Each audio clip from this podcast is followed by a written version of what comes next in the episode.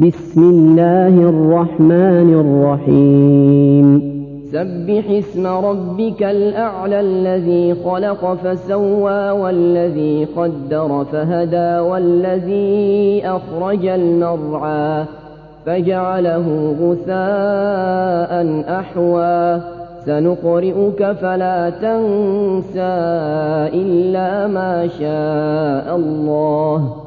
إنه يعلم الجهر وما يخفى ونيسرك لليسرى فذكر إن نفعت الذكرى سيذكر من يخشى ويتجنبها الأشقى الذي يصلى النار الكبرى ثم لا يموت فيها ولا يحيا قد أفلح من تزكى وذكر اسم ربه فصلى بل تؤثرون الحياة الدنيا والآخرة خير وأبقى إن هذا لفي الصحف الأولى صحف إبراهيم وموسى